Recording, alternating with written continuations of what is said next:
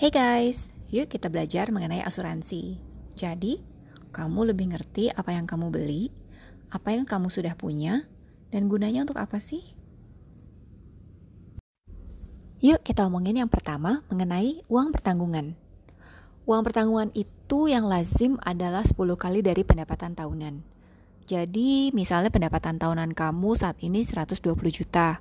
Jadi kira-kira 10 juta per bulan kita nggak menghitung bonus dan THR ya. Nah, 120 juta dikali 10 sama dengan 1,2 miliar. Jadi itu adalah uang pertanggungan ideal yang kamu punya saat ini dengan pendapatan 120 juta rupiah. Nah, kalau kamu harus mengumpulkan 1,2 miliar rupiah dengan kamu menabung, itu rasanya sulit banget ya. Nah, tapi kalau misalnya kamu beli asuransi, 1,2 miliar itu preminya katakan usia kamu 30, preminya nggak lebih dari 600 ribu sebulan loh. Artinya 6% dari gaji kamu sebulan. Tapi kalau kamu belum 30, maka akan lebih murah lagi. Murah banget. Nah, lalu pendapatan kamu kan bertambah dong. Semisal tahun depan bertambah menjadi 200 juta. Amin.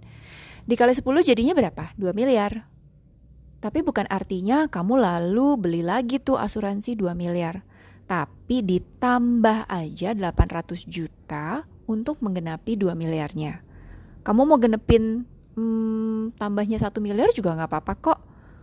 Dan itu nggak akan mencekik kamu selama kamu masih muda. Karena preminya sangat rendah. So, kenapa uang pertanggungan harus direview? Karena uang pertanggungan itu bukan sekali beli. Dan pendapatan serta kebutuhan kita kan bertambah untuk menikah, untuk biaya anak, renovasi rumah, beli mobil, dan lain sebagainya. Lalu apakah harus bertambah terus-terusan? Enggak juga kok.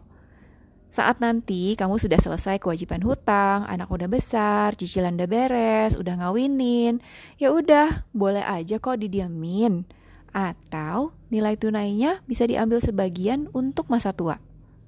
Win-win solution kan? Kalau mau belajar polis, let me know ya.